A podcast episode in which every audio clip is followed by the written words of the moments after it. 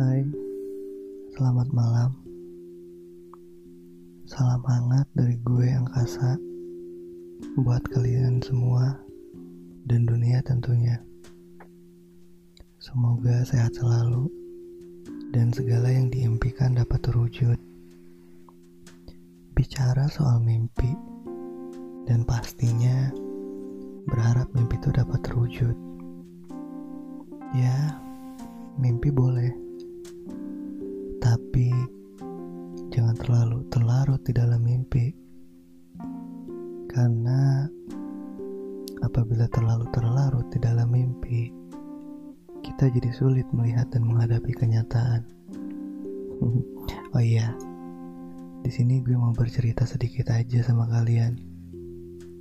Buat yang lagi galau atau risau, sudahi dulu. Jangan terlalu dipikirin karena pada dasarnya galau dan risau itu manusiawi. Dan yang membuat rasanya semakin dalam itu adalah pikiran kita sendiri. Jadi lebih baik disentil aja deh pikirannya. Gue suka sama cuaca malam hari. Kerasa nyaman dan sunyi. Ketika semua orang berkutat dengan mimpinya masing-masing, dan gue masih terjaga.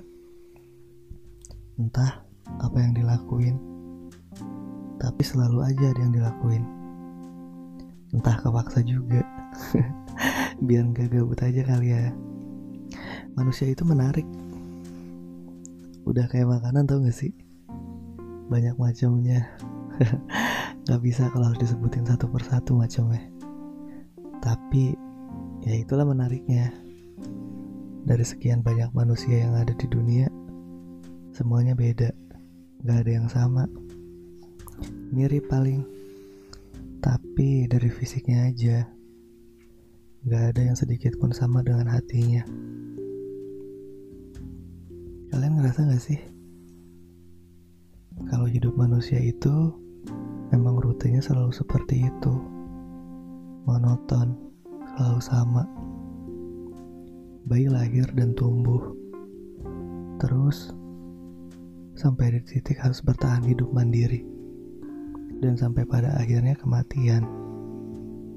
Hmm, monoton kan?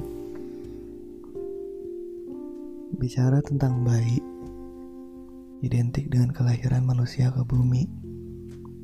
Bayi adalah anak yang merupakan titipan dari Tuhan dan sebuah anugerah terindah untuk orang tua yang melahirkan.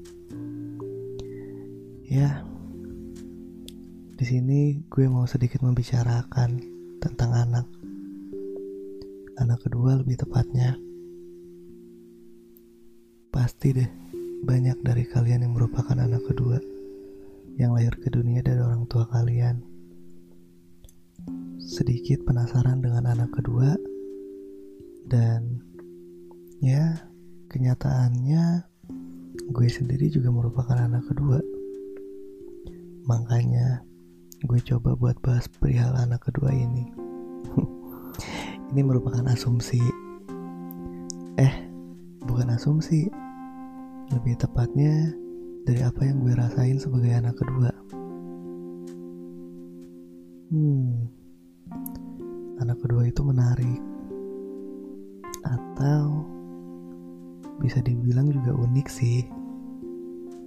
Ya, buat anak kedua, mungkin kalian juga merasa di mana perlakuan orang tua terhadap kalian itu seperti apa. Dan akhirnya terbentuk hingga kalian dewasa sampai saat ini. Ya memang gak selalu benar juga, apalagi sama. Tapi berdasarkan yang gue rasain, Terus sama artikel yang pernah gue baca sih tentang anak kedua gitu yang menurut gue relate banget sama yang gue rasain. Entah juga gue baca di mana artikelnya.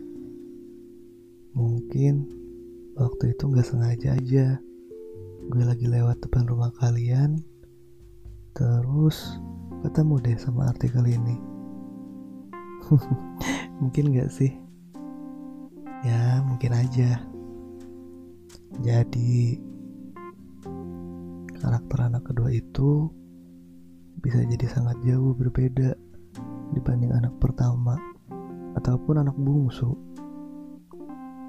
Anak pertama selalu mendapat perhatian yang lebih dari orang tua. Dan anak bungsu selalu lebih dimanjain. Ya, mungkin hal inilah yang terkadang membuat anak kedua merasa terabaikan. Gitu sih yang gue rasain. Relate. Tapi ya nggak selalu sama juga sama kalian Ya, tapi intinya jangan malah jadi berkecil hati atau malah jadi semakin terbawa akan suasana terabaikan. Ya walaupun siapa sih yang suka diabaikan? Apalagi sama si dia. Ada beberapa hal sih yang mana gue bilang anak kedua itu menarik dan relate banget sama apa yang gue rasain dan mungkin juga kalian. Jadi, anak kedua itu memiliki kepribadian yang paling berbeda di antara yang lainnya. Ya disadari atau enggak, anak kedua selalu menjadi yang paling berbeda di antara kakak atau adik. Jika ya kalau anak pertama sama anak bungsu sih selalu jadi perhatian orang tua. Ya beda ceritanya dengan anak kedua. Ya mungkin Ya inilah yang jadi salah satu penyebab anak kedua jadi pribadi yang paling berbeda dalam hal apa pun. Ya entah itu sikap, perilaku maupun gaya hidupnya. Ya contohnya sih ya mungkin paling jutek, ya atau paling murah senyum, paling nakal, ya mungkin paling pendiam juga, ya dan paling-paling lainnya deh anak kedua juga punya daya tarik tersendiri sih buat lingkungannya. Ya, di sini anak kedua itu biasanya lebih menjadi perhatian orang lain karena memiliki kepribadian yang lebih menarik. Ya, itu baik dari sikap atau cara cara menyikapi sesuatu, cara berteman dan dan ya banyak deh yang ngebuat orang lain dapat lebih tertarik gitu dengan adanya anak anak kedua ini. Ya, yang pasti anak kedua itu susah banget diatur dan cenderung punya ego yang tinggi sama ambisius gitu. Banyak sih orang berpendapat dan mengakui bahwa anak kedua merupakan anak yang paling bandel dan susah diatur karena memiliki ego yang cenderung tinggi. Ya, lebih dari itu, terkadang beberapa dari mereka kerap menjadi pembuat masalah. Ya, troublemaker sih. Kalau gue, enggak lah. Masa sih? Jadi kalau ambisius itu ya mungkin mungkin ya ketika mereka menginginkan sesuatu ya ya bakal berusaha dengan sungguh-sungguh dan fokus untuk mendapatkannya gitu. Kayak gue. Karena pada dasarnya ya anak kedua punya jiwa gigih dan pekerja keras. Ya ya gitu deh. Ya tapi buat kalian yang anak kedua ya kurangin lah egonya. Jangan terlalu dijunjung tinggi egonya. Nggak baik juga hmm. anak kedua. Yang pasti anak kedua mudah berinteraksi dan ce dan cepat akrab dengan orang lain. Ya mereka punya nilai persahabatan yang kuat. Karena terbiasa dengan keadaan yang sedikit tersisih di keluarga. Anak kedua ini ya berusaha mendapatkan perhatian dari luar, dari luar lingkungan rumah. Mereka lebih suka menjalin hubungan dekat dengan orang lain ketimbang dengan keluarga sendiri. Huh, enggak deh gue. Tapi iya juga. Jadi bingung deh. Ya, relate sih. Anggap aja relate. Ya, intinya mereka selalu berusaha untuk membuat orang lain senang agar jalan jalinan persahabatan semakin kuat. Ya jeleknya itu anak kedua nggak berani untuk mengambil keputusan dalam segala hal, terutama yang berkaitan dengan dirinya sendiri. Alasannya karena takut merugikan orang lain. Padahal kan gak gitu ya. Ya harusnya kan ya pikirin dulu diri sendiri baru mikirin orang lain. Tapi kayaknya buat anak kedua sulit deh bukan gak bisa. Tapi susah aja. Hmm, faktanya anak kedua memiliki jiwa kreatif dan selalu ingin bebas ya anak kedua biasanya lebih senang menyendiri. Ya atau juga sama teman-teman ya daripada berkumpul dengan anggota keluarga. Ya seiring dengan kesendiriannya anak kedua selalu memiliki semangat untuk melakukan sesuatu. Sehingga imajinasi yang ada dalam dirinya berkembang dengan sangat baik. Mereka sangat menyukai fleksibilitas tanpa kekangan pekerjaan yang ingin mereka lakukan ya pekerjaan yang gak mengikat dengan waktu. Apa semua orang kayak gitu ya? Dasar. Berpikiran terbuka dan cenderung suka mencoba hal yang baru. Mandiri sejak dini. Ya mungkin itulah kata-kata yang sering kita dengar. Bahwa memang anak kedua cenderung lebih dituntut untuk lebih bisa mandiri sejak dini.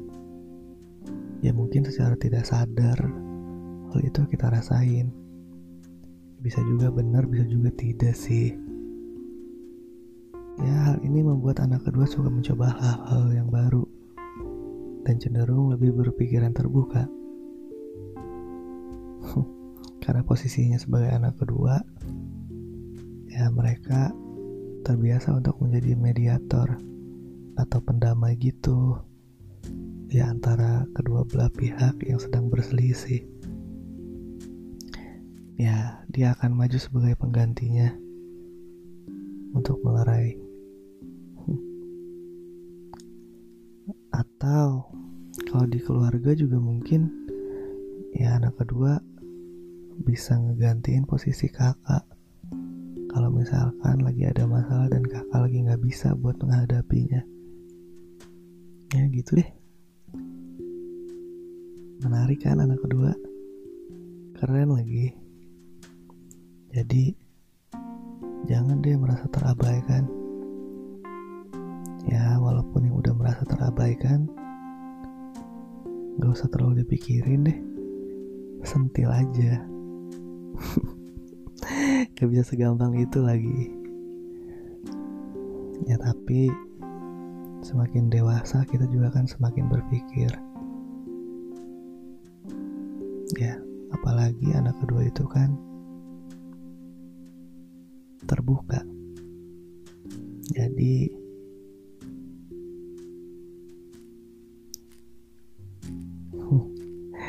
ya gitu deh. Dasar anak kedua bandel. Ya.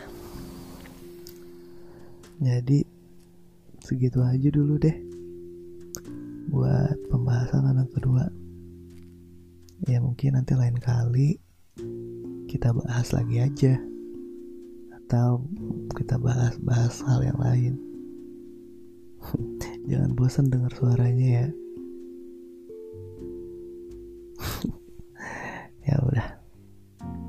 selamat malam maaf mengganggu untuk waktunya dan terima kasih telah mendengarkan podcast ini. Salam hangat dari gue angkasa buat kalian dan dunia tentunya.